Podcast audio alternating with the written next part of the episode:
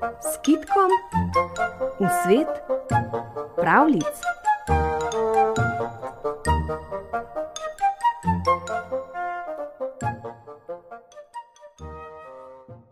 Mesar je kupil vola in ga prignal domov. Šel je v hišo po nož, da bi ga zaklal, vola pa je pustil zunaj neprivezanega. Preden se je vrnil, pa je volži ušel in se napotil po svetu. Dolgo je že hodil, potem pa je srečal psa, ki ga je vprašal, kam je namenjen. Vol mu je odgovoril, da gre po svetu srečo iskat. Vzemi še mene s seboj, je poprosil pes. Kaj boš hodil z menoj, mu je odvrnil vol.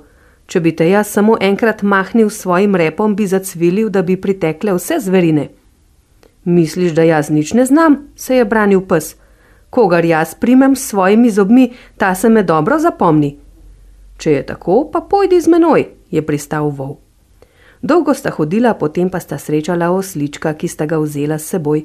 Potovali so naprej in prišli do mačka, ki jih je tudi prosil, da bi smel potovati z njimi. Vzeli so ga s seboj, kot so v naslednji vasi vzeli tudi petelina. Zdaj je bilo popotnikov že velika druščina in kmalo so prišli do velikega gozda. Ker se je medtem začelo mračiti, so sklenili, da poiščejo prenočišče.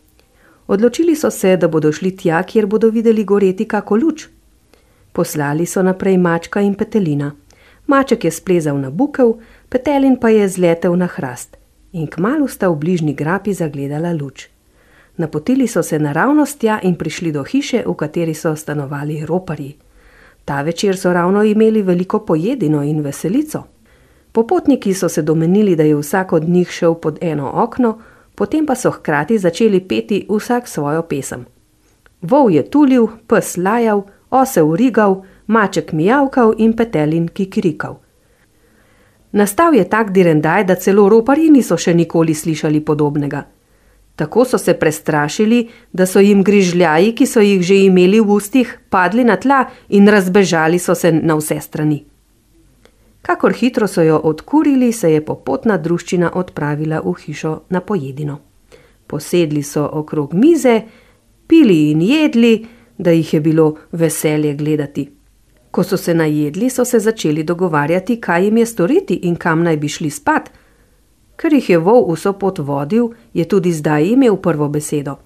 Vsakemu je določil svoje mesto. Jaz grem v hlev, je rekel pes na dvorišče, osel v hlev za vrata, mucek na peč, petelin pa na kljuko hišnih vrat. Ker so bili s takim redom vsi zadovoljni, so se odpravili spat.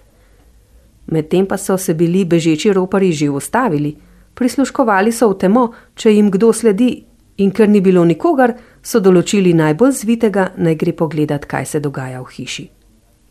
Noč je bila temna, kakor v rogu, in ropar se je tipaje priplazil na dvorišče. Nevede se je dotaknil psa, ta pa ga je nekajkrat popadel za nogo in ropar se je komaj rešil v vežo. Ko je bil v veži, je videl, da je v peči še žrjavica.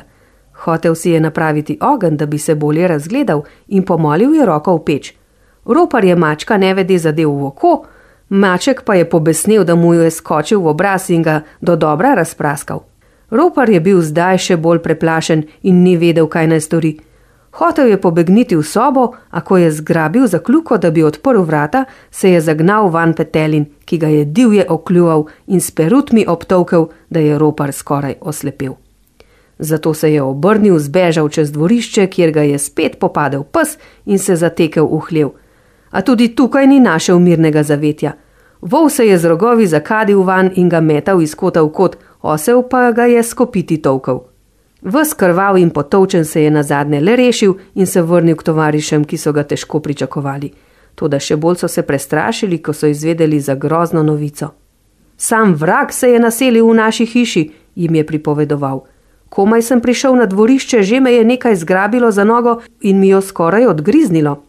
Samo naglica me je rešila, da nisem ostal brez stopala. Umaknil sem se v vežo in hotel napraviti luč, ko je iz peči ogen planil vame in me tako ožgal, da bi skoraj oslepel. Zgrabil sem za kljuko, da bi zbežal v sobo, a so se zagnali vame železni kavli, ki bi me bili skoraj sesekali. Skočil sem v hlev, tam pa me je vrag nasadil na gnojne vile, me metal iz kota v kot, vmes pa s kovaškimi kladivi nabijal.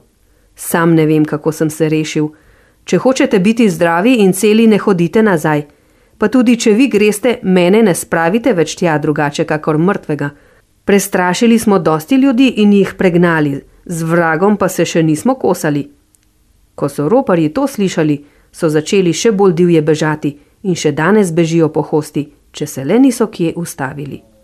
Vol, pes, osliček, mačka in petelin pa so še dolgo živeli v tistem kraju in se gostili z vsem, kar so jim roparji zapustili.